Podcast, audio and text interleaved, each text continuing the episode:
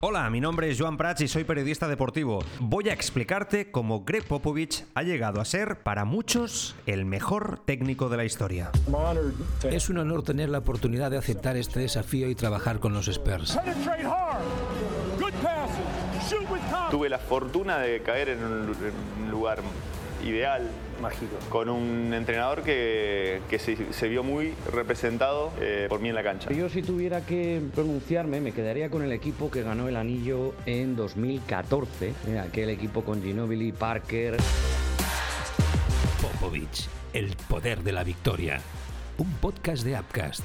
Con Joan Prats, las voces de los protagonistas y el análisis de profesionales especializados como Andrés Monge, Enrique Urbella o Guille Jiménez. Una historia de victorias en la NBA. Escúchala ya en tu plataforma de podcasting preferida: Spotify, Evox, Podimo, Apple Podcast, Google Podcast y muchas más. Popovich, el poder de la victoria.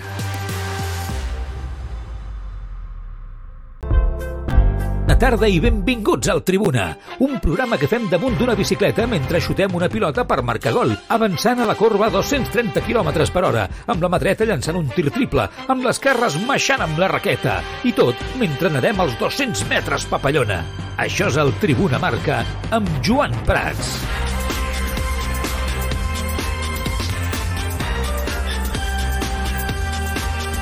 Què tal, com esteu? Molt bona tarda. Benvinguts un dia més al Tribuna Marca. Aquí estem per passar la tarda, per eh, escoltar, per valorar, per analitzar tot el que passa al voltant del Futbol Club eh, Barcelona. I la pregunta que es fan a molts a dia d'avui, a aquestes hores de la tarda, a Can Barça, és Ansu Fati o Ferran Torres? Ferran Torres o Ansu Fati?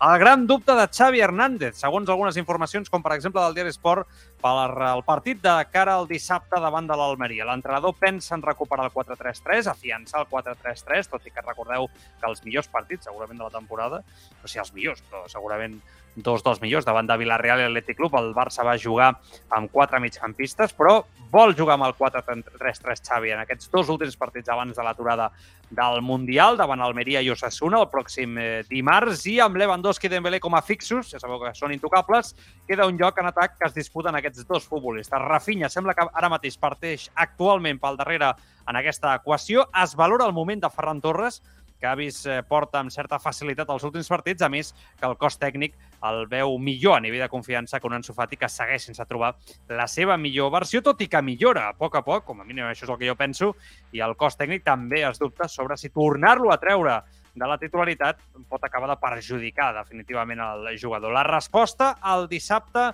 a les 9. D'això en parlarem, evidentment, en el dia de, en el dia d'avui, perquè anem de, anem de parlar del dubte que pugui tenir a nivell, de, a nivell tàctic Xavi Hernández, però el protagonisme del dia se l'emporta Héctor Bellerín, amb una entrevista magnífica de la Laura Rossell a Catalunya Ràdio, una entrevista fantàstica on Héctor Bellerín de nou torna a demostrar que és... Queda malament dir aquesta frase, però malauradament molt més un futbolista. És una frase que no hauríem de dir, que en altres àmbits i professions de la vida no diem, però, sota el meu punt de vista, la majoria de futbolistes, no tots, viuen a dins de la bombolleta, no surten d'ella i no els agrada mullar-se. No són exemples, per mi, d'una societat ja molt tocada i ferida en molts aspectes. En canvi, aquest jugador és un aire fresc, brutal, per la professió, pel sector, fins i tot pel sector mediàtic futbolístic, en el qual m'incloc, Vaja, és un plaer. Us recomano que escolteu aquesta entrevista i escoltarem ara algun tall del que ha dit Héctor Ballerín, que és una pena eh, que el nivell defensiu sigui justet, perquè si no seria excel·lent eh, el futur que tindria aquest futbolista, també com a referent, com a líders, perquè crec que és el que necessita precisament aquest eh, bastidor. Anem a saludar el Carlos Rojas. Carlos, què tal? Bona tarda, com estàs? ¿Qué tal? Buena tarde. Tot bé?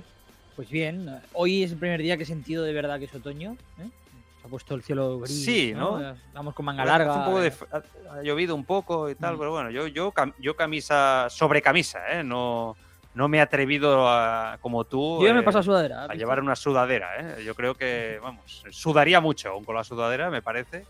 Eh, pero bueno, vamos, eh, es verdad que ya la temperatura es, es otra, ¿no? Incluso por la noche ya seguro ya te tapas. Apetece taparse. sí, sí. Ne, ne, ne. Al tribuna marca. Ha sido cosa mía. Estoy hablando de Bellerín y del liderazgo y vengo yo y te Sí, cambio al no, otoño. ¿no? Cada uno, oye, ya sabéis que sois libres aquí de, de- de opinar de lo que os dé la gana, ¿no? Para eso estáis.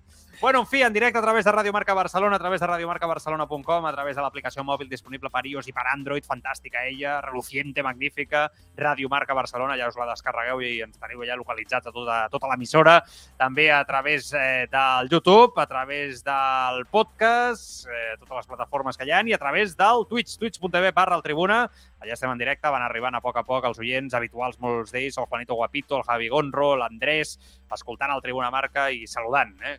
Toca. Sois gente educada, gente de orden. Eh? I saludeu quan, quan arribeu. I on em queda també? On està, no? El Telegram, això, Tribuna Barça. Si us voleu adherir al grup, Tribuna Barça també. Y allá está. Bueno, Ferran Torres, Ansu Fati. Ansu Fati y Ferran Torres. Eh, con esto empezamos, Carlos. Es verdad que eh, a mí eh, entiendo la información del diario Sport, ¿no? De que Xavi duda de cara al partido del sábado ante, ante la Almería si poner a uno a otro pero volvemos a RR con lo de cada día, ¿no? Pues si no le gusta Ansu Fati, que si no le gusta Xavi Ansu Fati, etcétera, etcétera. Yo tengo que decir que es verdad que Ferran Torres a mí me sigue pareciendo que a nivel de movimientos es seguramente el extremo que mejor entiende lo que pide lo que pide Xavi. Sí que es verdad que bueno, yo creo que la combinación de extremos que van más para adentro que para afuera, entenderme la expresión, eh, me parece adecuada. Dembélé va más por fuera, ¿no? Eh, estos dos van mucho más por dentro, ¿no? Su, movimiento es dejar espacio largo al lateral, ¿no? Y muchas veces juegan mucho más. El movimiento es, insisto, para adentro, más que encarar por fuera, como si hacen Dembélé o Rafinha. Me parece adecuada la combinación. Eh, lo que pasa es que teniendo en cuenta el momento de Ansu Fati, que yo soy de ponerlo, ¿eh? de ponerlo y darle minutos y continuidad, teniendo en cuenta que Ferran, que aún a nivel de movimientos tácticos sigue siendo un jugador que entiende perfectamente lo que pide su entrenador, pero que después es muy fallón y que cuando lo sacas de ese extremo derecho pierde mucho. Y cuando lo llevas a la izquierda pierde mucho. Por lo tanto, si es a la izquierda, Ansu Fati. Pero mira, yo qué quieres que te diga, que te diría que la opción que más me convence es que vuelva a salir con cuatro centrocampistas. Que salga con Busquets, que salga con De Jong, con Pedri y con Gavi. Sí, es verdad, yo seguramente lo de los centrocampistas te lo estaría más de acuerdo con eso, pero si vamos a la, a la, a la comparación pura, Ansu Fati versus Ferran Torres, eh, yo creo que en este programa soy la persona más Ansu Fati que ha pasado. No, pero, pero si es que ahí creo que te lo compramos todos, pero sí que es verdad que Ansu Fati no está al nivel. No, no, eso eh, yo, yo creo que partimos de ahí, pero bueno, yo, ya sabes que yo creo que sí puede estar. Sí, o sea, sí, sí. Si yo, también, los, yo, no, si yo creo que hay que darle minutos, hay que darle continuidad para que recupere ese nivel. Si Exacto, lo compro. Pero también es verdad que el cuerpo técnico tiene unas exigencias a nivel de resultados, a nivel de juego, que las cosas no están cuajando y que la presión es máxima. Entonces el cuerpo técnico pues dice, bueno, ¿qué hago? ¿Sigo apostando por darle minutos a Ansu o pongo a Ferran que quizá me va a dar mejores prestaciones? Yo creo que no. Yo creo que poner a Ferran en la izquierda no es lo mismo que poner a Ferran en la derecha. Y creo que ha quedado demostrado claramente. Pero a mí de todo esto, ¿sabes qué me sorprende? Que Rafinha sea la tercera opción. Porque precisamente ante el Valencia dio asistencia de gol y lo hizo muy bien. Y el otro día contra el Pilsen, Pilsen fue de los mejores. Sí, pero... Me sorprende mucho que esté en la tercera opción del cuerpo técnico. Bueno, porque eh, pero yo no creo que tanto por demérito de Rafinha, bueno, que también, ¿no? Porque en los partidos uh -huh. importantes sí que ha bajado, ¿no? Y no ha estado tanto al nivel. Aunque es verdad que a mí el día del Inter me gustó mucho la primera parte, Rafinha, te lo tengo que decir. Eh, es, es, cierto que, que, que, yo creo que va más por dar la oportunidad a Ferran y Ansu Fati, ¿no? Son nombres, entre comillas, ya. caras nuevas, no tan importantes en este inicio de temporada. Ansu Fati ha ido cogiendo ritmo, yo creo que, insisto, merece un par o tres de titularidades seguidas. Y Ferran, que hace un mes estaba totalmente pues perdido prácticamente como jugador es verdad que está lejos de ser el jugador de 55 millones, 60 que fichó el Barça, pero es un jugador que desde el gol del clásico, pues los minutos que ha ido teniendo y que ha ido saliendo, ha ido aportando, ha ido creciendo poco a poco. Entiendo, por tanto, que porque son caras nuevas y nombres un poco al alza en, el, en lo que va de temporada, Xavi lo pase, los pase por delante de Rafinha. No creo, sinceramente, que por preferencia ambos estén por delante de Rafinha, pero pienso que por el momento de la temporada eh, Xavi sabe que tiene que hacer cambios, tiene que tocar cosas en la delantera, en el 11 también en el centro del campo eh, y por supuesto en defensa. Y está apostando, pues, quizá por dar más peso y más minutos a jugadores que por ahora, cuando se les ha dado un poquito más de protagonismo, parece que han respondido. Yo creo que la lógica deportiva es esa, Joan. A partir de ahí veremos si, si le gusta de verdad más Ansu Fati y, y Ferran que, que Rafinha. Lo que pasa es que, ¿sabes qué pasa? Que yo he llegado a la conclusión también, yo voy llegando a conclusiones sobre este tema. Uno de los temas a los que he llegado como conclusión, por ejemplo, es que el, el, único que se adapta bien al extremo izquierdo en el 4-3-3 es Sancho. Pero ¿sabes Yo creo que ni Dembélé se adapta bien ahí. ni Rafinha se adapta bien ahí, ni Ferran Torres se adapta bien ahí. Y normalmente además juegas con laterales izquierdos que van muy largos, ¿verdad? Estamos de acuerdo. Y, y, Jordi Alba es un ejemplo y Valdés otro ejemplo. Y Ansu te permite jugar con esos laterales largos, combinar con ellos y tener eh, mucha presencia en el área, sobre todo ante rivales como Almería o Sasuna, con todos mis respetos. Entonces, todo para mí acaba en Ansu, también tácticamente, ¿no? Eh, es verdad que Rafinha, ojito, ¿eh? porque está en una situación delicada. El jugador empieza bien, se diluye un poco con la crisis del equipo, queda señalado, pierde la situación de titular indiscutible, ahora vuelve a jugar bien, no parece tener continuidad y en Brasil es apretado de cara al Mundial por Rodrigo, ¿no? Vamos a hablar claro. Que Rodrigo juega en la derecha y aún a veces saliendo de suplente y tal, está mejor que Rafinha. Y creo que Rafinha es el titular de Brasil, si no me equivoco, en esa posición y Rodrigo el suplente, ¿no? Creo. Mm. O sea que Rafinha, ojo el momento, ¿eh? porque está, creo, en un momento delicado de su carrera barra temporada. Sí, no, eh, yo estoy de acuerdo contigo, ¿eh? ¿no? Y sobre todo, en, me refiero sobre todo con el tema de Ansu Fati, ¿no? Lo del extremo izquierdo. Pero hay una cosa que creo que es jugar entre comillas en contra de Ansu Fati y es el perfil de jugador, ¿no? A, Xavi, no creo que, yo creo que lo, ha dejado muy claro durante, incluso cuando llegó, ¿no? Y durante su estancia en el Barça. Quiere extremos muy abiertos, extremos ¿no? que, jueguen pegados a la línea, que abran el campo. Sí, porque Rafinha es un estilo de, extremo así. Pero Ferran Torres no es así y él lo ficha. Pero Ferran Torres, yo creo que. O sea, yo pienso sinceramente que, que Xavi no ficha a Ferran Torres como extremo, sino como atacante. ¿No? Que es un poco el, mismo perfil que tiene. que te puede, puede ir por dentro. y es verdad, esa idea. Fíjate que, y eso es interesante lo que dices, porque eh, fíjate que Guardiola, siempre que se refería a Ferran Torres, estuve repasando declaraciones de Pep Guardiola cuando lo tenía en el City sobre él, siempre hablaba de todo lo que te daba precisamente en eso, en ataque. Nunca desde una posición fija como un extremo. Siempre hablaba muy bien de cómo interpretaba los movimientos, cómo atacaba el espacio, el juego posicional, etcétera. Muchas veces lo había puesto como falso delantero centro jugando en el City, ¿no? Y es cierto que quizá Xavi tenga esa, esa visión, pero también es innegable que este chico, cada vez que no juega como extremo derecho, yéndose para adentro, más que como tú dices, saliendo desde, desde no, o actuando como un extremo más enganchado a la banda, lo hace mal. Sí, sí, no está. No vamos a ver, claro. O sea, más allá del otro día, contra el Victoria Pilsen, que hay que tener tampoco un poco de perspectiva con el rival, eh, este chico, cuando ha jugado en la izquierda no ha rendido al nivel esperado y fíjate que tiene una buena rosca, pierna cambiada, ¿no? Y que ha marcado goles importantes desde ahí, pero generalmente no ha funcionado. Como falso delantero centro generalmente ha sido un fracaso, menos el otro día. Y después, ¿verdad? Que cuando se le ha puesto en esa posición como en San Sebastián, ¿no? Por detrás del punta, no, no, creo que sea ni un media punta aquello. No sé, es, es, extraño con el rombo aquel que, que, se inventó en algunos partidos. Fracaso también de Ferran Torres. Entonces, solo funciona como extremo.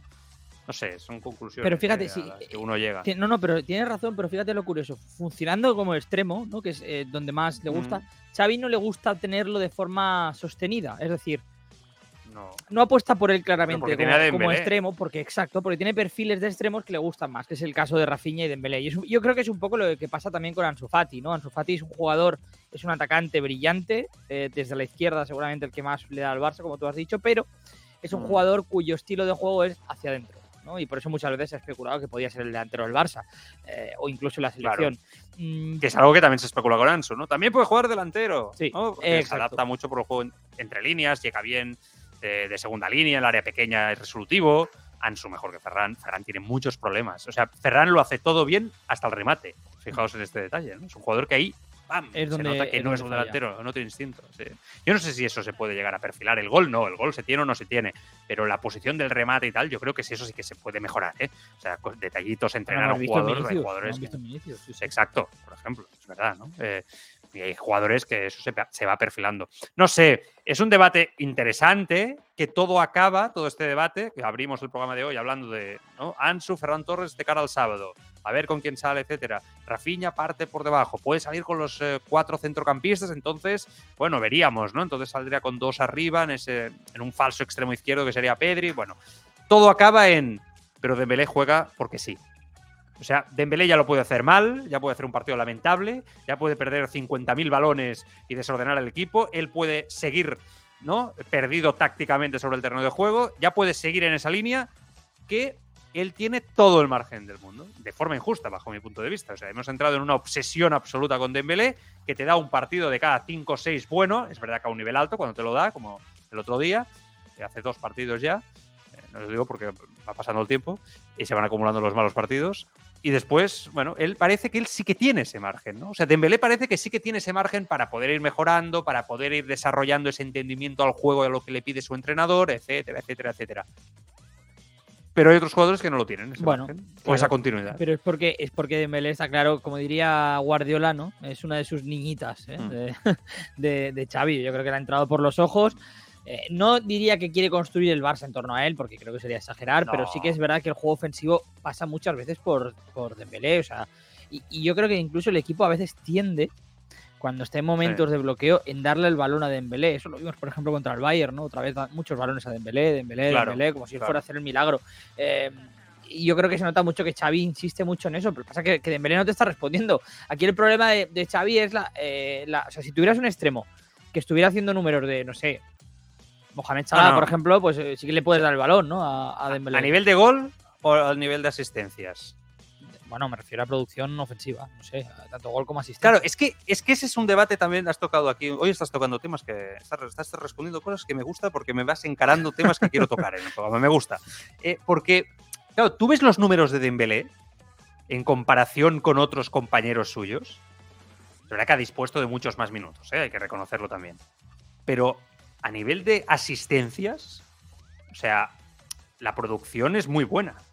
O sea, es el máximo asistente del equipo, ¿no? Es protagonista en, en la generación de ocasiones claras de gol. Pero es verdad que después, de cara a gol, no. Falla mucho.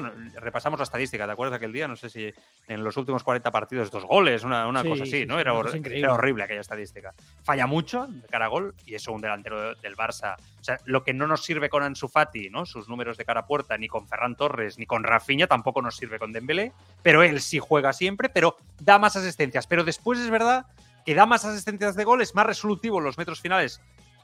En- a nivel general, los números hablan, pero después tienes una sensación, porque esto del fútbol a veces las estadísticas no, no lo reflejan todo, ¿no? Y, y vas después a las sensaciones, y las sensaciones son de que eso no es la realidad.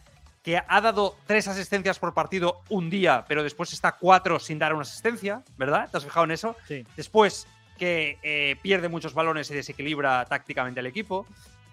Entonces, claro, es, está muy bien en- a nivel de gol, incluso, ¿no? En alguna ocasión, y sobre todo a nivel de asistencias, mucho, un día, y después tarda 6-7 partidos en volver a generar. Entonces, los, los números engañan con Dembélé.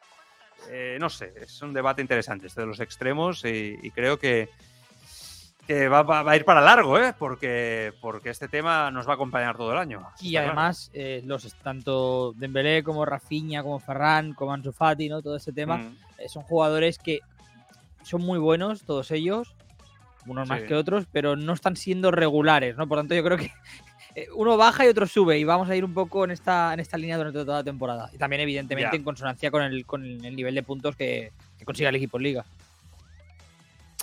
Sí, eso también es verdad. Eh, es que, claro, esa es otra, ¿no? Eh, al final, todo va en base a si ganas o pierdes, ¿no? Muchas veces, a nivel del resultadismo puro, para, para evaluar si las cosas salen bien o mal. No es mi manera de pensar, no es mi manera de creer cómo se tiene que evaluar ahora mismo el Fútbol Club Barcelona, pero es verdad que cuando has entrado en esta veda ya resultadista, ¿no? Todo el día, prácticamente, pues eh, bueno, eh, estás abocado a ello, ¿verdad? Y estás condenado un poco a tener que comprar todo ello. Hablamos de Lewandowski, ¿te apetece? Venga, siempre. Hablemos de él porque sí, no, no, porque por hay un artículo de Xavi de que no, bueno, es que hay un artículo de Xavi Torres muy interesante hoy eh, y en el diario Sport siempre hay que siempre hay que leerlo, no un poco eh, y habla de las virtudes, ¿no? Habla un poco de las virtudes de- del, propio jugador polaco, es indudable, ¿no? Eh, yo creo que ahí ya no nadie duda, eh, yo creo que, que pocas veces se puede dudar de lo que representa en ese aspecto Robert Lewandowski para el equipo. Ojo, porque es que sin él mm, sería un problema. Pero también es verdad que hoy Xavi Torres dice, oye, tiene que actuar más en el juego, ¿no? Y que una de las cosas claras, esto yo creo que es una sensación, y hoy Xavi Torres lo lleva a, los números, em, si Lewandowski no entra en juego, el equipo se hunde. El equipo no gana, el equipo juega peor. Si conecta, en la transición, en la circulación de balón, si hace descargas, si entiende que se ataca a través de él al tercer hombre, etcétera, etcétera, el equipo mejora. Leo textualmente. Si atendemos a sus últimos cinco partidos, veremos que ante el Real Madrid, derrota por 3 a 1, apenas sumó 15 intervenciones en 90 minutos. Solo 15. Dicho de otra manera, tocó un balón cada 6 minutos. El mejor jugador no juega. Contra el Villarreal, victoria por 3 a 0. 26 acciones. 19 contra el Athletic Club. Triunfo por 4-0. 27 ante el Bayern en la Champions. Derrota 0-3. Y 23 el sábado en Valencia. Victoria por 0-1. Para que se hagan una idea y sin ánimo de comparar, porque no tendría sentido, en cinco partidos Lewandowski ha sumado 110 intervenciones, las que acostumbraba a tener en un solo partido Leo Messi en su época más brillante. Eh, claro, hay un problema. Tu mejor Pero- jugador no conecta. Pero realmente, realmente es, es- es tan grave el problema. Porque, o sea, entiendo, lo, que dice, lo que dice Xavi Torres me parece muy interesante, evidentemente, ¿no? Porque además trae las estadísticas, las pone encima de la mesa. Claro, habla Pero por sí sola. Leo Messi es un jugador que sin balón no produce nada. Por tanto, necesita tener el balón. Pero Lewandowski es un jugador que produce mucho sin balón. Ah, Por sus movimientos, la forma en que actúa dentro del área, cómo, hace, ¿no? cómo genera espacios. Tienes razón, pero ¿el Barça se aprovecha de eso? Ahí está el tema. Es que yo es creo que yo creo que no. Porque el. Barça, cuando se aprovecha del juego de Lewandowski, a día de hoy, si conecta, como decimos en el futuro más, será otra cosa. Pero a día de hoy es con su capacidad rematadora, con su capacidad individual para el gol. Pero en la circulación del balón, conecta muy poco con sus compañeros. Y es cierto que la posición de 9 en el Barça no puede ser comparada con la posición de 9 del Inter, por ejemplo, Carlos. No, no, el duda. 9 del Barça tiene que conectar constantemente con los interiores, por ejemplo, o con los extremos. Y le cuesta conectar. ¿Por qué Xavi, Xavi esto lo tiene que ver? O sea, no puede ser que Xavi Torres lo haya visto y Xavi Hernández no. O sea, es- no, no lo podemos ver nosotros y el entrenador del Barça lo ha visto seguro. Pero esto no se soluciona. ¿Cómo se soluciona esto? Esa es la gran pregunta que nos tendríamos que hacer aquí, tácticamente. Es que ¿Tienes yo, la respuesta? Yo, cre- yo creo que la respuesta es seguramente eh, que, los, que es todo lo contrario a lo que quiere Xavi, bajo mi punto de vista, ¿eh? que los extremos interioricen más el juego, que estén más cerca de Lewandowski, ¿no? Seguramente. Claro, pero entonces desactivas. Es que es una contradicción esto. Si esto es verdad lo que tú dices, es- una contradicción de parte, por parte del entrenador. Porque si tú lo que quieres es que los extremos jueguen más por fuera, que está muy bien ¿eh? jugar también así, lo que vas a buscar más son remates del, del- del killer que tienes como, como Lewandowski, que está muy bien. También oye, el Bayern lo hacía, lo aprovechaba y no tenía problemas. y funcionaba, ¿eh?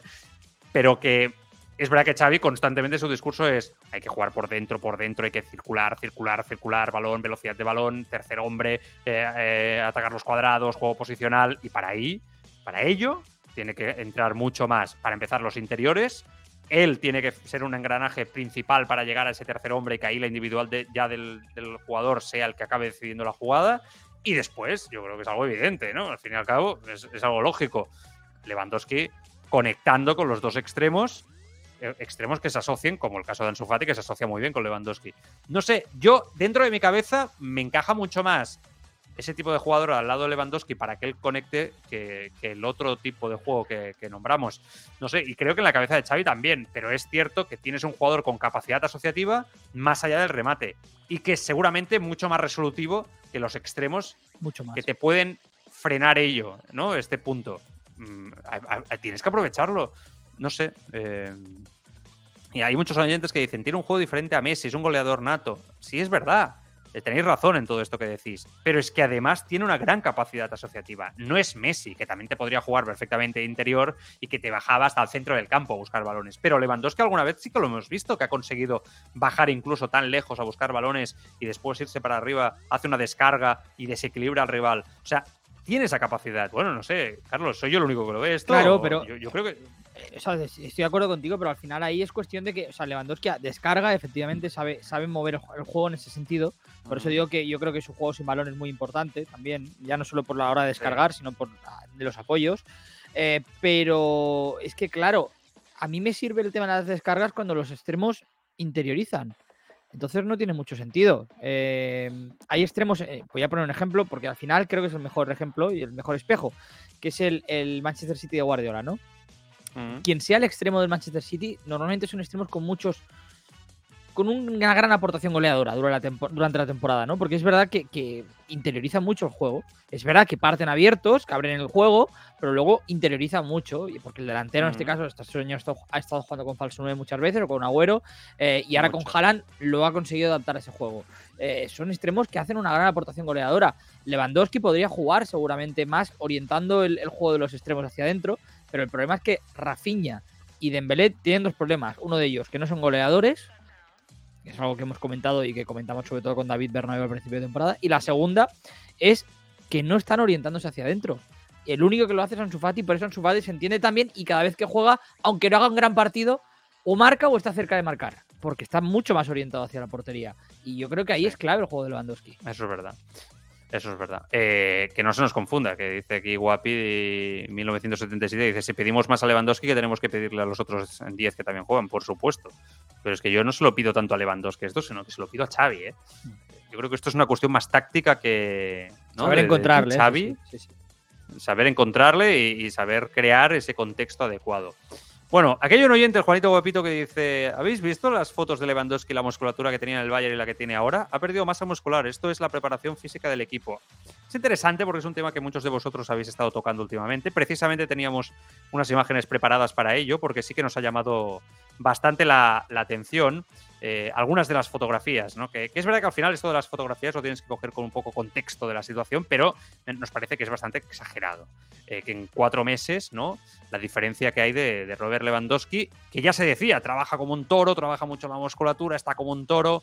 Eh, es verdad que en el Bayern quizá tenía un tono un poco más elevado, ¿verdad?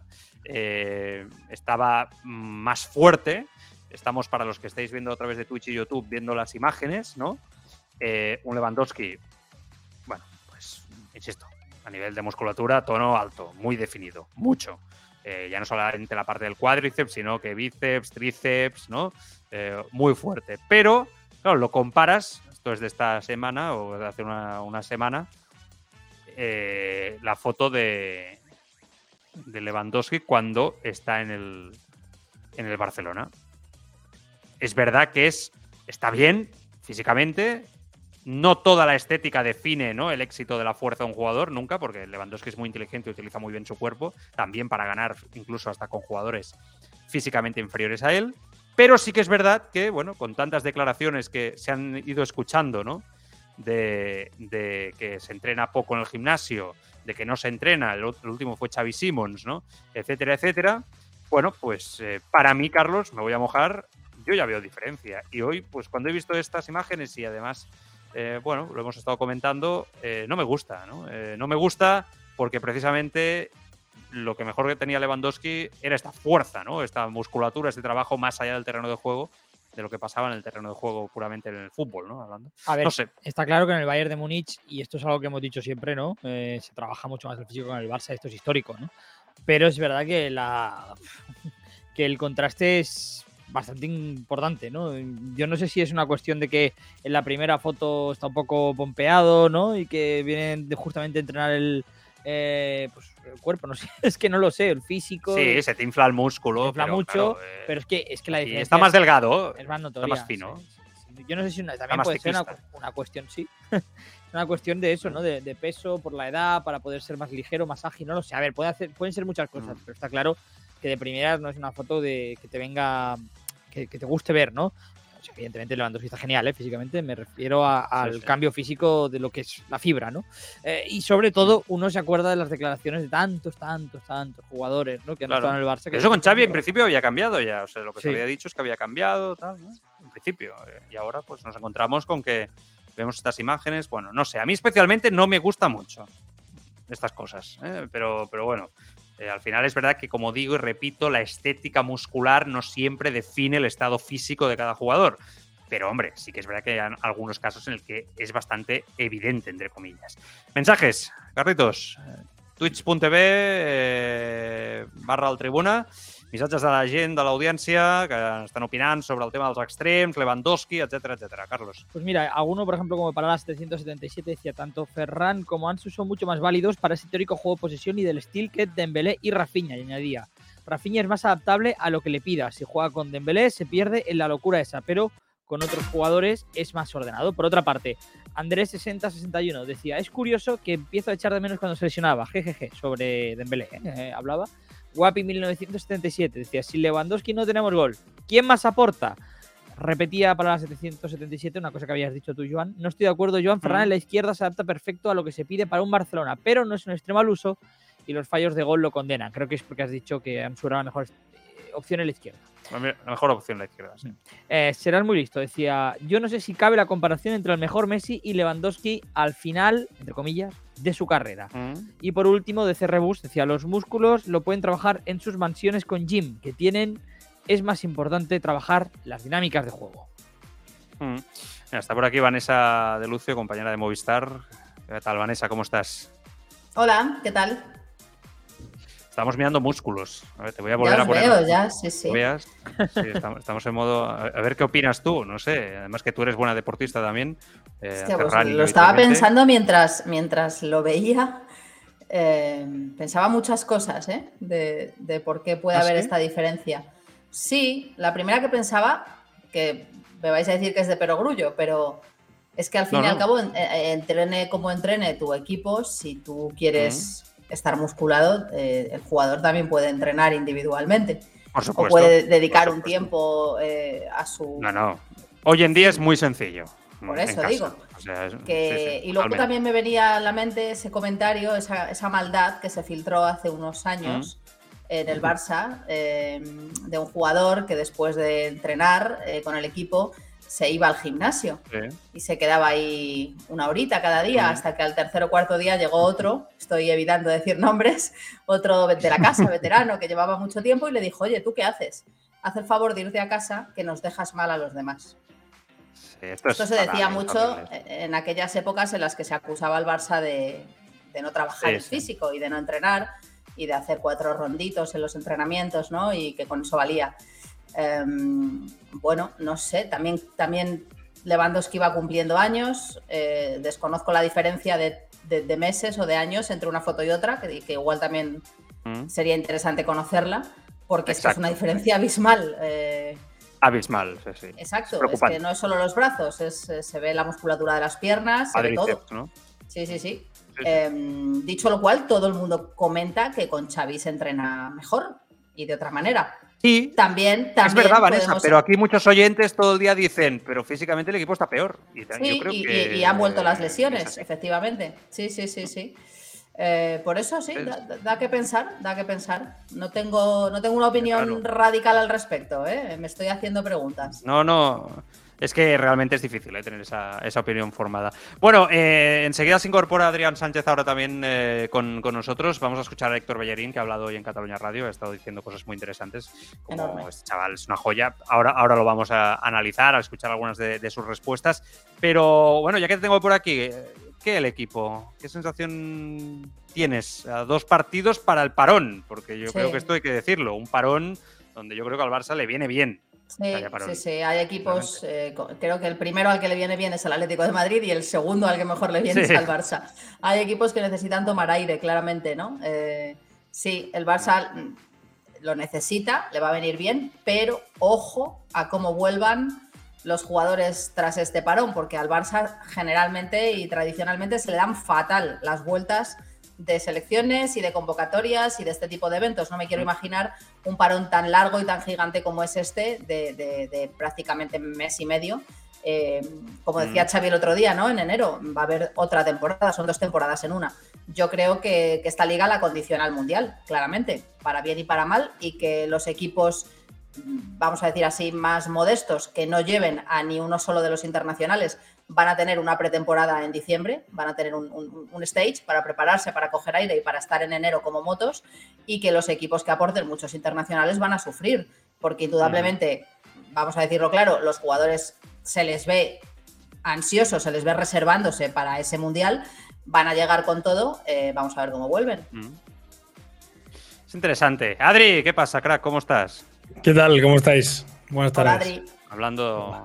Buenas tardes, Adrián Sánchez de Más que Pelotas, aquí un día más con nosotros. Eh, está, nos estábamos pensando un poco el parón este que, que del Mundial, que a, a mí, yo tengo que decir que después ya me pondré en modo Mundial. De momento a día de hoy me da palo el Mundial, pero bueno, ya me pondré en modo. ¿eh? Sí, Ya- pero si quedan me- 17 días. ¿eh? Yo voy Con el- tachando con el- en el calendario. Con el partidazo inaugural que hay.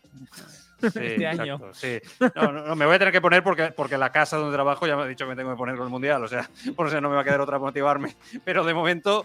¿No te apetece o qué? Entonces, ¿No? No. Y me parece que es el mundial de la vergüenza más absoluta. Bueno, sí, lo sí, que noviembre, a hace, ver. y en noviembre aburre. eh, Todo lo que rodea es una cosa, pero metidos ya en, en- en el jaleo, en en el Sí, fútbol en sí, eso. Un mundial A mola. los horarios no me siempre. va muy bien tampoco de los partidos. No sé, los horarios no me vienen tampoco muy a la, a la No, par. no te viene Bueno, bien nada, ¿eh? No te viene... Le queda todo No, mal a no, Joan. no, es que me hago mayor, me hago mayor. y Mundiales a la carta, en verano, 8 de la noche, exigente. a Pues ser sí. posible. Lo de claro, toda la claro. vida, es que. Lo de toda No, la toda la vida no, fin. porque Bueno, cuando has sido en América, en otros continentes, te, te pillaría el horario peor. El, el siguiente es en Estados Unidos, ¿eh? Os- Pues voy a eso, te va, eso eso te va a hacer trasnochar. Eso es peor. Bueno, pero bueno, es- eso no sería. Yo no he dicho que trasnochar sea un problema. O sea, Ah, vale, vale, vale. Y además, y centrémonos además en verano. Centremos el debate. Y además en verano. Exacto, ¿no? exacto. Abrimos melón. El Eh, debate. sí, sí. Exacto. Bueno, a ver, estaba con Adri. Adri, Vale, eh, ¿a ti qué? ¿Qué mundial? No, no, sí. ¿Qué el mundial? Eh, y el parón en clave Barça, porque decíamos que yo creo que le viene bien al Barça, pero que también el cuerpo técnico tiene que analizar muchas cosas esos días, ¿eh? Mucho que analizar, ¿eh? Eso se está oyendo y eso, se iba a decir, que yo estoy un poco en la línea también, ¿no? Creo que, que a muchos equipos le viene muy bien el, el parón, a uno de ellos yo creo que es el Barça, para desconectar, para hacer un poco ¿no? de, de- de- de refresh, un poco actualizarse y sobre todo, que para mí es lo más importante, porque en equipos como el Barça, pues eh, la gran mayoría marchan con selecciones, entonces no les puedes pedir que estén conectados con el club, porque van a estar pensando en su selección. Lo más importante, lo que tú decías para mí, que, que el staff técnico, el club en general, toda la gente que se, que se encarga de este tema deportivo, analice y profundice en los porqués y en los, y en los errores, que los tenemos seguro, de, de por qué estamos eh, como estamos. En la vertiente mala, que siempre hay buenas cosas, pero en la mala hay que muchas cosas que mejorar. Pon la palabra Apcas en el buscador de tu plataforma de podcasting y conoce todas nuestras producciones. Apcas, que no te lo cuenten, escúchalo.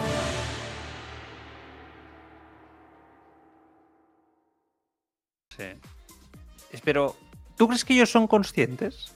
Es que yo, yo el cuerpo técnico, yo confío en Xavi, ¿eh? y soy a Xavi a tope y tal, pero, pero sí que veo muchas contradicciones. Uno, en ruedas de prensa y dos, en las decisiones en el campo. Entonces, Sí. esto me tiene un poco descolocado, ¿eh? A mí me pasa igual, ¿eh? A mí me pasa igual porque fíjate que en las dos últimas ruedas de prensa quizás he estado un poco Sí. más en la línea, ¿no? De lo que decía Xavi, pero creo Sí. que él también está como viendo un poco la evolución del equipo y, siendo más sincero, ¿no? Yo creo que empezamos, lo hemos dicho aquí un montón de veces, con, con la motivación y con la expectativa arriba del todo. Creo que hemos ido bajando y yo creo que estamos más cerca de, de tocar con los pies en el suelo. Inclusive Mm. Xavi y el, y el discurso. Em, pero me pasa un poco igual, me pasa un poco igual, Joan. Eh, luego veo cosas en el campo que no entiendo y siempre me agarro a que yo no soy entrenador y que seguramente no tenga ni idea, pero es verdad que hay un montón Bueno. de cosas que todavía me chocan. Sí, sí, me chocan mucho. Claro, eh, es que es, Es eso, Vanessa, que- ¿no? es Aquello que, que digo decimos yo siempre, de de cinco- que. ¿De sí, qué? perdona. No, de que no hay no, correlación de- entre lo que Xavi nos explica en la rueda de prensa, que a mí Ah, me ese- parece es absolutamente didáctico, eh, lo entiendo y me encanta el modelo Sí. que propone y, lo que, Claro. y, y el fútbol del que, del que él nos cuenta que, que hace o que quiere hacer. Y lo que luego Mm. vemos plasmado, claro, es que no se parecen en nada, con perdón. Y luego a mí me sorprenden mucho también los postpartidos de Xavi. O sea, a mí Xavi me encanta antes. ¿vale? En la, en la previa.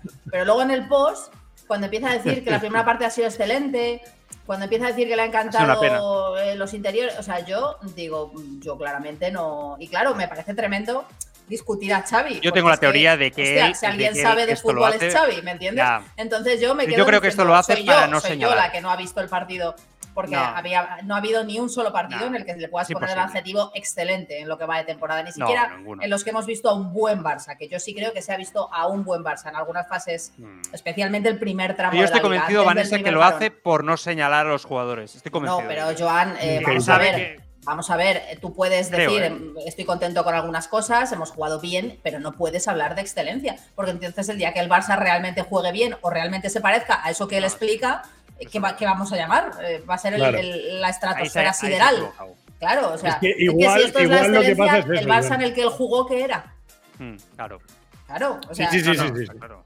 no A mí me da la sensación que es un poco eso, que su idea es de proteger a lo mejor un poco al vestuario, de blindar, pero en, dentro de esa idea no se da cuenta a lo mejor que luego en el discurso lo que hace es que todos nos Claro. pase lo que estaba diciendo Vanessa ahora, que digamos, a ver un momento, o yo no estoy entendiendo algo, o el partido que he visto eh, lo tengo que volver a ver, porque es imposible que Xavi siendo un, eh, no sé, de los mejores futbolistas de la historia, el mejor jugador de la historia de España, no sé, no vea lo que yo en mi casa con una Coca-Cola cero en la mano soy capaz de ver. Es que es imposible. Pero- es, im- es imposible que Xavi disfrute, el, el Xavi, el, el mayor amante del juego bonito, del ADN Barça. y del Disfrute con el fútbol que refleja. Que refleja Totalmente. o Es imposible equipo, que Xavi disfrute con este Barça. Es imposible que a Xavi le parezca que este Barça es el fútbol de la excelencia.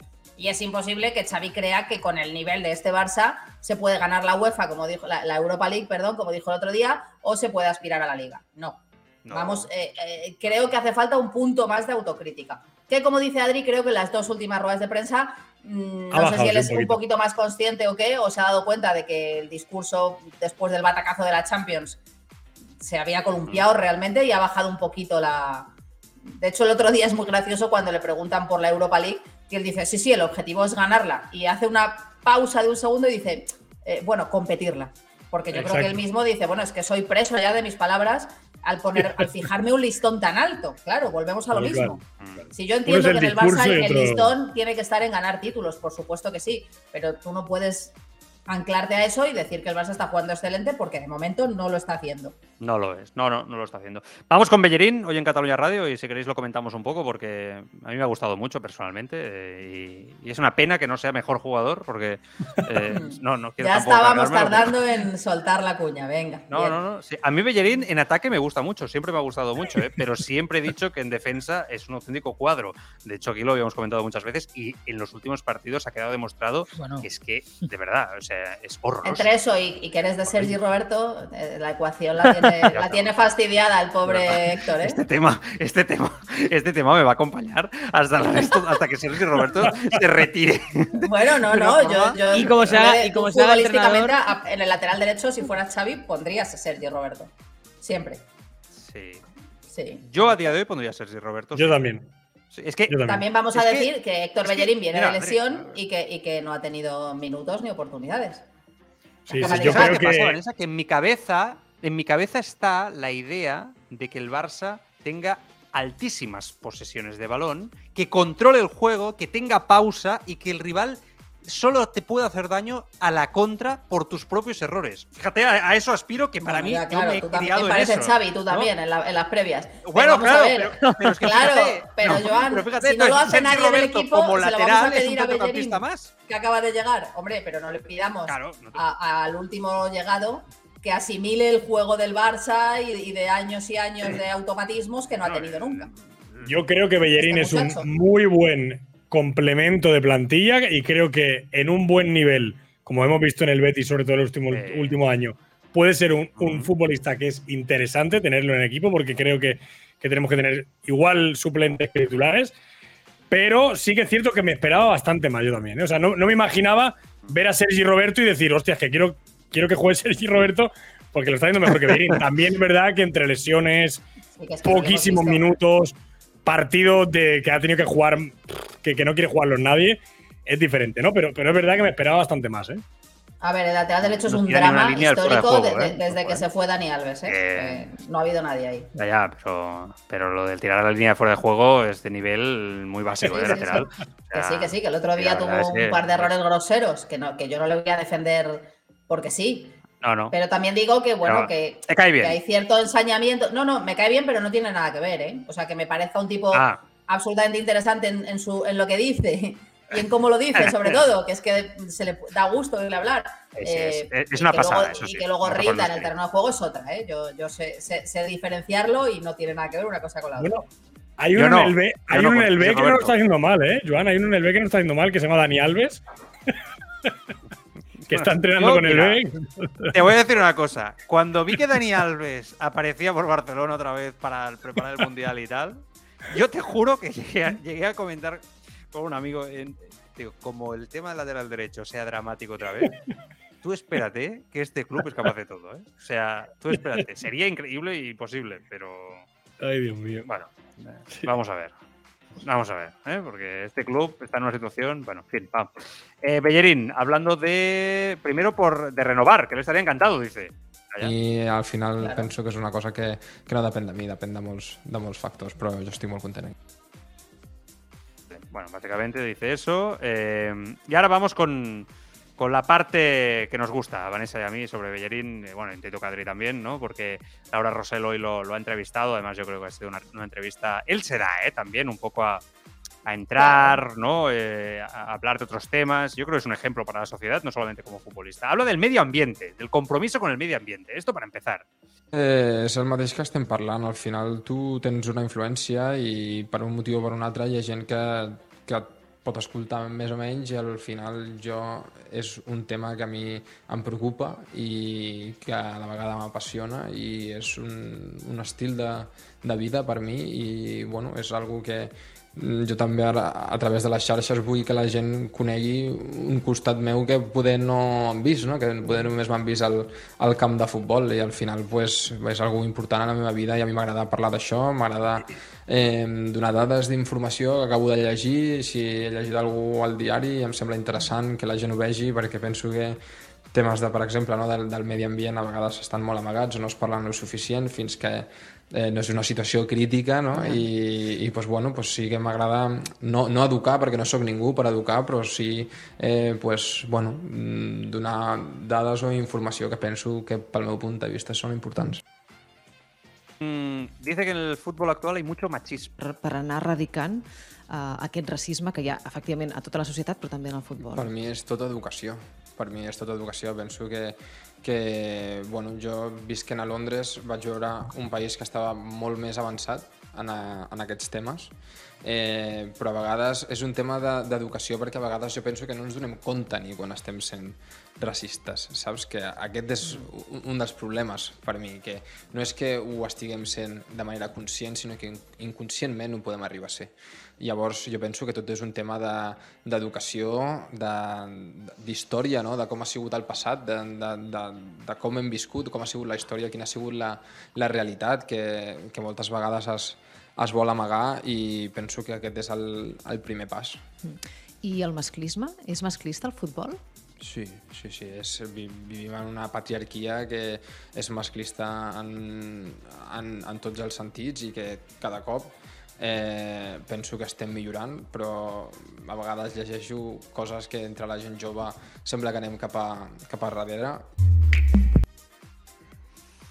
Bueno, yo es que me levanto, aplaudo y pienso, es un ejemplo. Es tan poco usual, ¿verdad? Tampo ese es el problema. Es claro. que ese es el problema. Es que, que el resto está tan lejos de esto, el nivel es tan bajito, es que ese es el problema. Eso es lo llamativo, Joan, que, que nos tendría que sorprender en lo contrario, yo creo, y nos sorprende esto, ¿no? Que haya un tío que, que sea futbolista o deportista de élite o viva en la mampara esta que viven los multimillonarios y aún así eh, tenga un discurso, unas ideas, una educación y una cultura suficiente como para ser un ejemplo, un buen ejemplo en, todo lo, en todas las facetas, ¿no? No solamente como deportista, sino también a nivel social, que me parece espectacular, ¿eh? O sea, de verdad te lo digo, que yo he escuchado la, la entrevista también con, completa sí. y me parece un tío interesantísimo y súper inteligente. Sí, sí, no es la, no es la primera declaración que hace en este sentido. Eh, también lo hace mucho, mira, hay un, hay un informe plus, estoy recordando ahora un documental en Movistar mm. que se llama Moda y Deporte, que bueno, es muy gracioso, que habla de, de, de, los pelos de Cruyff, del pantalón pirata de Nadal, de, bueno, en fin, eh, modas sí. que han ido pasando. Está, está muy curioso. Estos, los pelos de Bellerín, tela, ¿eh? O sea, los pelos, sí, sí. No, no, pasa nada, ¿no? no pero tela. Bien, bien, él los defiende muy bien. Él, él lo aguanta. pero, pero, me refiero, él sale hablando, porque es un tipo bueno, muy peculiar también a la hora de vestir, tiene mucha uh -huh. personalidad para ello. Y él sale hablando y dice sí, una, una hace una reflexión, siendo tan jovencito, que dice, yo antes me gastaba cuando llegué a Inglaterra, tal, y me hago famoso, empiezo a recibir cantidades ingentes de dinero, me gastaba una pasta en ropa, las marcas, tal, como hacemos todos los futbolistas. Claro. Hasta que un día me di cuenta de, de, pero qué tonterías estoy haciendo, qué pasta me estoy gastando en cosas que son En su relativamente posición tiene un valor enorme esto. frívolas, claro, y empieza a decir que se empieza a interesar por la ropa de segunda mano, por cosas, por prendas vintage, que empieza a meterse en Me mercadillos. Y claro, ese eso también es una cultura que forma parte de todo esto de que habla del medio ambiente, del reciclaje, de la cultura anticonsumo, en fin, que Es un lo tío diga alguien- comprometido. Sí, sí, sí, tiene mucho valor porque generalmente nos pasa a todos cuando uno tiene poder, tiene dinero, cuando, bueno, nos pasa, como, como si Mm. me, me- me incluyo yo ahí, ya ves tú, Sí. como si yo tuviera algo. pero Aquí, que- aquí que el único, puede- aquí el único de éxito es, es- es Adri, que es YouTube, Adri, que sí, sí, sí, totalmente. está- Que ahí está con su, sí, sí, con su moda también. Pero, pero es verdad que supongo que es una- forma parte de la condición humana que nos puede pasar el hecho de que cuando uno se ve con dinero o con ciertas posibilidades pierdas la cabeza y te dediques a derrocharlo. Y, y en este sentido, Bellerín creo que es un ejemplo de cómo emplearlo para cosas útiles y de cómo intentar desde su pequeña parcela, o, o- o mucha parcela, porque tiene una legión de seguidores, intentar influir para bien en la Y de sociedad. críticos. Claro, lo- pero que no está mal que por, una vez alguien utilice la fama y el poder que tienen para Mm. Por supuesto. un mensaje De hecho, a mí me daría vergüenza ser compañero de, de Bellerín y actuar como actúa la mayoría. Adri, ¿qué decías? Que digo que también lo importante también de, de mojarse en según qué temas, que normalmente los futbolistas a veces no se quieren ni, ni, mojar ni, ni No, que esquivan. ¿no? Esquivan. Machismo, racismo, o sea, es que creo que son temas que están súper instalados en la sociedad y que parece que solo los debatimos la gente que decíamos ahora, ¿no? Más mundana, más de la calle y tal. Pues está bien que, que a esta gente, como decía Vanessa ahora, que a pesar de estar en una nube, ¿no? Porque viven en, en- en una nube, Claro. en un planeta totalmente paralelo a este, pues haya gente como Bellerín y, y que se implique y, y que piense y que diga este mensaje y que le hagan una entrevista hoy y hable también de estos temas, no solamente de fútbol, de la Champions, de- no, también vamos a hablar de esto que también es importante porque yo también vivo aquí. Claro, lo que le suele pasar al resto, por desgracia, es que mm, eh, hacen gala, no, no suelen querer meterse en los charcos de hablar de temas de actualidad porque los desconocen. Bellerín es que Tal dice cual. que va al entrenamiento por la mañana escuchando la radio, la, la. Ángels Barceló dice, vamos, o sea, va escuchando la actualidad, va interesándose por los temas que suceden, lee la prensa mientras los fisios le dan masajes, eh, bueno, mm, hace Y que le recomendó bueno, música bueno, eso a me, es- eso me encanta. Cuando dice Pedri iba Sí, justito. sí. Pedri iba El nivel era justito justito. de música. Sí, sí. Entonces yo les, les metía ahí una serie de temas, un jazz, un Está bien, flamenco. Sí, sí, hombre. Está bien. Pero Está bien. no, no quiero Está bien, está pensar las chanzas que le harán en el vestuario también, ¿no? Supongo que se meterán con él también algunos.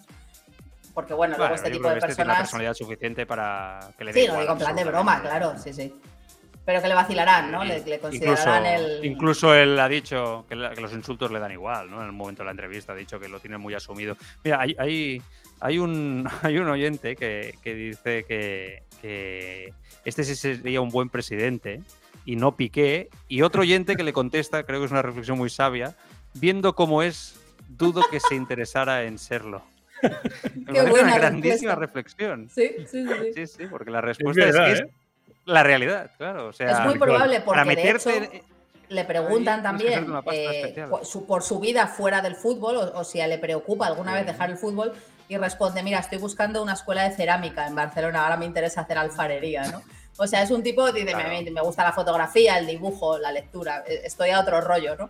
O sea, que evidentemente no creo que tenga unas aspiraciones eh, políticas, ni de poder, ni de estar en primera plana en ese Mm. sentido. Sería nuestro amigo Héctor Bellerín, ¿eh? Sería nuestro, nuestro amigo. ¿eh? Eh, es que es triste decir esto, pero nos pasamos el día hablando, ya un poco hablo también como periodistas, ¿no? De gente de, que son imanes para la sociedad y son ejemplos, falsos ejemplos, bajo mi punto de vista, para la sociedad, y que yo, uno cuando hace una reflexión interna, a nivel más personal, y hablo por mí, evidentemente no puedo hablar por vosotros, digo, es que yo no sería amigo de ninguno de estas eh, personas. O sea, yo no sería amigo de ninguno, bueno, de uno sí, el, el lateral derecho que has dicho antes, pero, pero del, del resto, del resto, o sea, no, no, no hablaría de, o sea, ¿me entiendes? O sea, no sería amigo generalmente, bromas aparte, de la mayoría de futbolistas. Y esto es preocupante, esto es muy preocupante.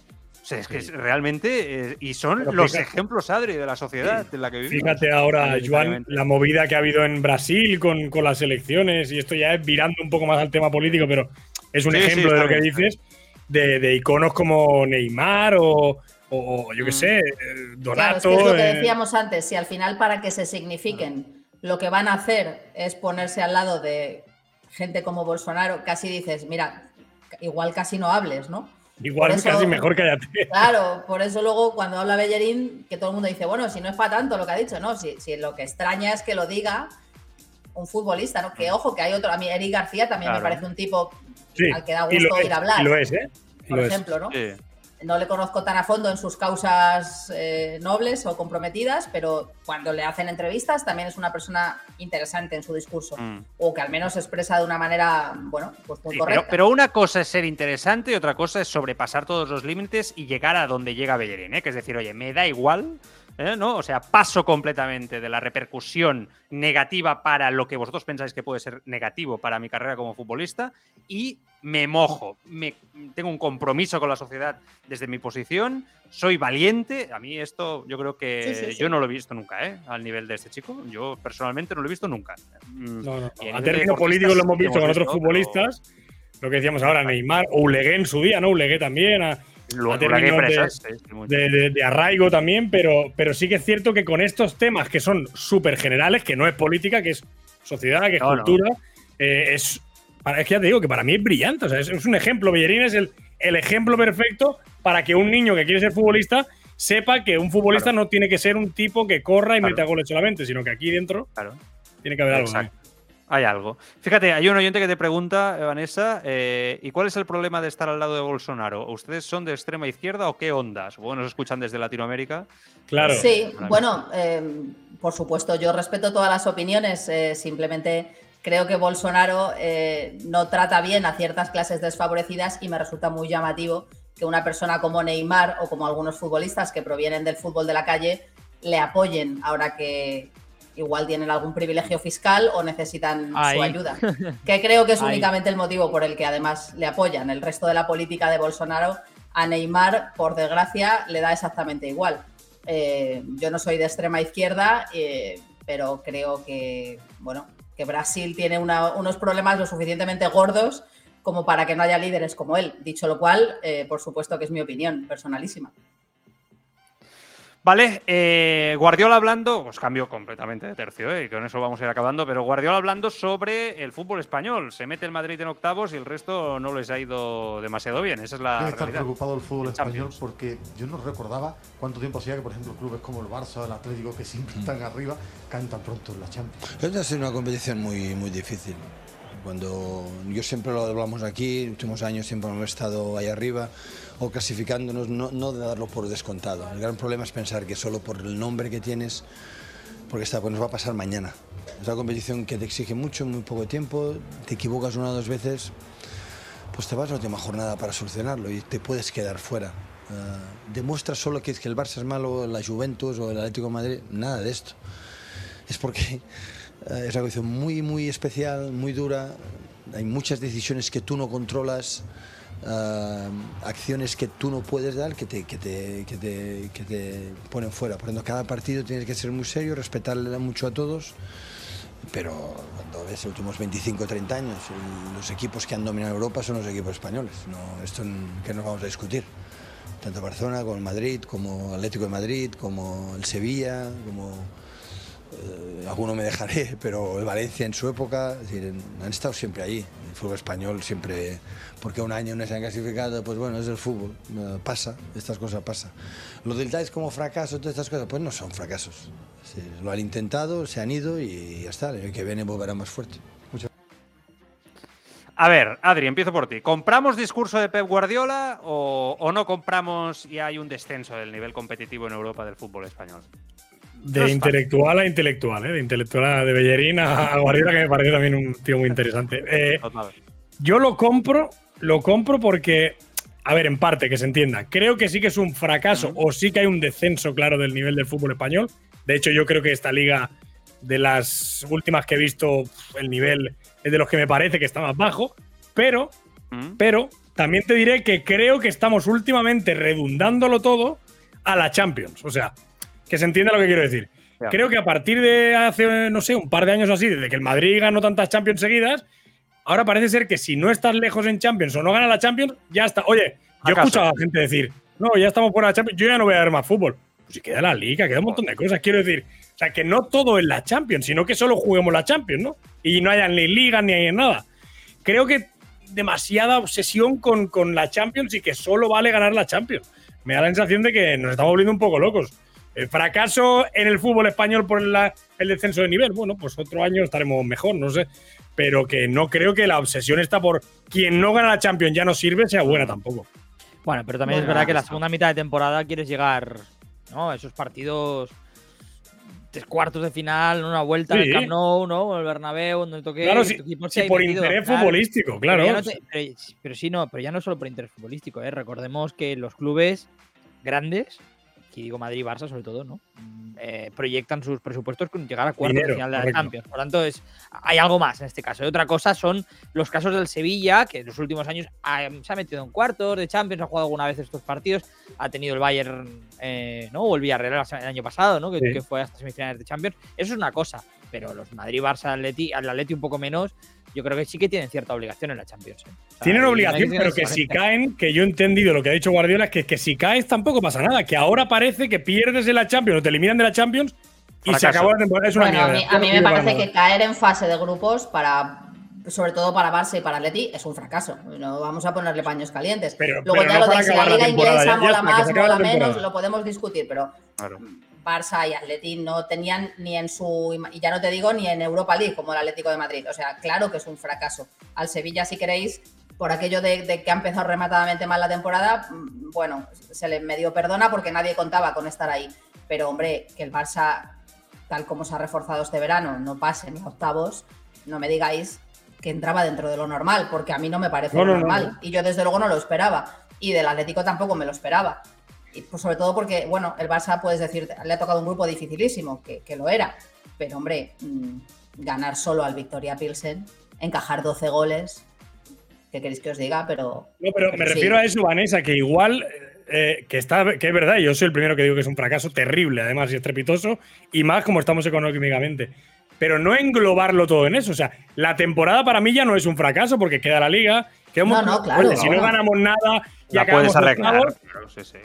Yo, claro, la temporada estamos Claro. en noviembre y la temporada no tenemos no. ni idea de por dónde va a tirar. gana la Liga, la Copa y la Europa League, es una- un gran año. Sí, pero que es un bajonazo haber caído en fase de grupos, no te lo va a quitar ni ganando la liga, ¿eh? También te digo, Joan, que súper rápido, eh, yo a Guardiola a mí me vende no. una bici y me dice que es un Mercedes y se lo compro. ¿eh? Es otro con el que nos, ahí iríamos a tomar un café. Y, y vacilas, Sí, sí. pasas por Beverly Hills, ¿no? Sí, sí. Nos iríamos Claro. con Héctor y con Pep vender. a tomar unas cañitas, ¿verdad, Joan? Sin problema. Ese. Bellerín, Guardiola. Sí, yo de- así a este nivel. Ahora que nos van, a, nos van a llamar pedantes. Te diría Xavi, ¿eh? Pero te diría Xavi. Te diría Sí, Xavi. también, Eh, también. en su momento te hubiera dicho Puyol. Habría que pero meter ahí después un de lo que hizo con Casillas ya no lo voy a poner ahí. Hay que meter un poco de qué, Carlos. Hay que meter uno, al- alguien que opine diferente, hombre. Que sea. que Claro. meter a Mourinho tuyos, también. ¿no? Meter a No, Mourinho. Mourinho no. Paco de cara. Ah, Mourinho no. Este, no, Mourinho acabamos a hostias. Bueno, eh, en fin, oye una cosa, un, un- un- hay un mensaje que no, no os lo voy a preguntar, eh, pero me ha hecho pensar eh, de Santi que dice que, a la puerta que nosotros que tenemos contacto que no fiche a Joe Félix. Esto viene todo por una información de Rubén Uría, ¿no? muy bien informado siempre con el Atlético de Madrid, y que hablaba estos días de que el Barça está hablando sobre Joao Félix con el tema, con el tema Méndez, básicamente es el representante, ya sabemos que están todos saraos. Eh, es verdad que a la puerta le chifla el tema Joao Félix desde hace mucho tiempo y que da la sensación que va a salir el jugador. Y el Barça se está moviendo para el mercado de invierno. Quiero decir que se están alineando los astros, Vanessa, en una situación donde podría ser de que Joao Félix viniera aquí en invierno.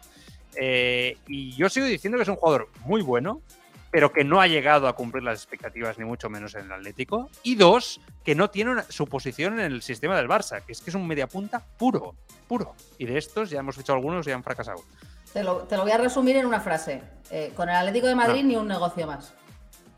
Mira, otro que también dice al Atlético de Madrid ni agua, están de acuerdo contigo. Sí, sí. Es que bueno, Es que si claro, van a ¿qué escarmentar nos a van a estas alturas ya 50 de la kilos, película, 60, ¿no? Bueno, pide, pide bastante más el Atlético, ¿eh? Por este jugador. Bueno, pero no se lo van a pagar ni de coña, porque este jugador ya no cuesta lo que costó. Está deval- devaluado completamente. Bueno, Eh, No entiendo, Adri, qué le ve la porta. Es que es lo que no acabo de entender. Yo creo que es el- Bueno, ya lo sé, pero. Sí, que, que es el eh, joven, ¿no? De, de esta generación que salió también justo después de Mbappé y tal. Y es como que nos hemos quedado todos con las ganas de ver a lo mejor el Joao Félix que nos pre- pretendíamos todos en la cabeza, ¿no? Que al final saca como estancado ahí con el cholo, no sé.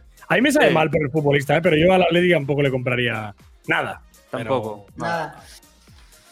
No, no. A mí te digo que no creo que el club esté lo que decía Vanessa. Yo creo que te van a pedir muchísimo más de 100 millones. O sea, Bueno, el Atleti Ya, eh, pero lo ne- típico, una necesita, cesión, o- o, opción su, de su idea al menos es hacer un mercado de invierno en el que soltar mucho lastre. Eh, el, Claro. el Atleti necesita vender Claro. y espera hacerlo. Y, confía en que alguno de sus jugadores hagan un buen mundial para ponerles en un cartelito, en fin.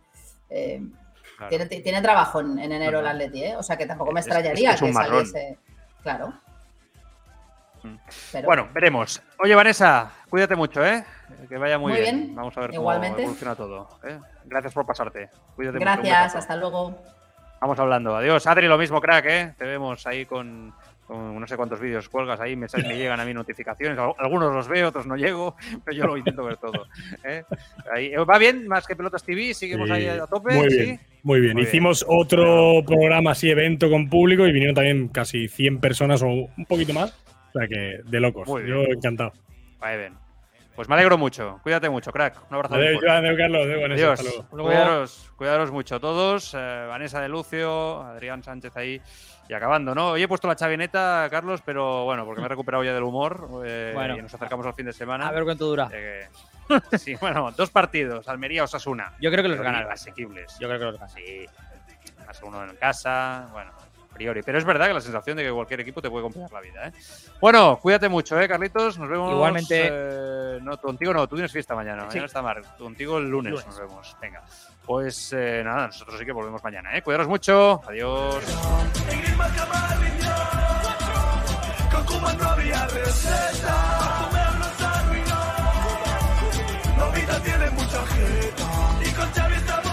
Llegan los premios Evox 2022 y tus podcasts preferidos de Apcas pueden ganar gracias a tus votos. Entra en premios.evox.com y haz tu votación. Apoya los podcasts que más te gustan. Vota por Crímenes Ibéricos, Crímenes Deportivos, Juicios de Crímenes, Escapa Podcast, Marca Mercado y ¿Qué fue de Don? Vota los podcasts de Apcas en los premios Evox 2022. Tienes tiempo hasta el 24 de octubre.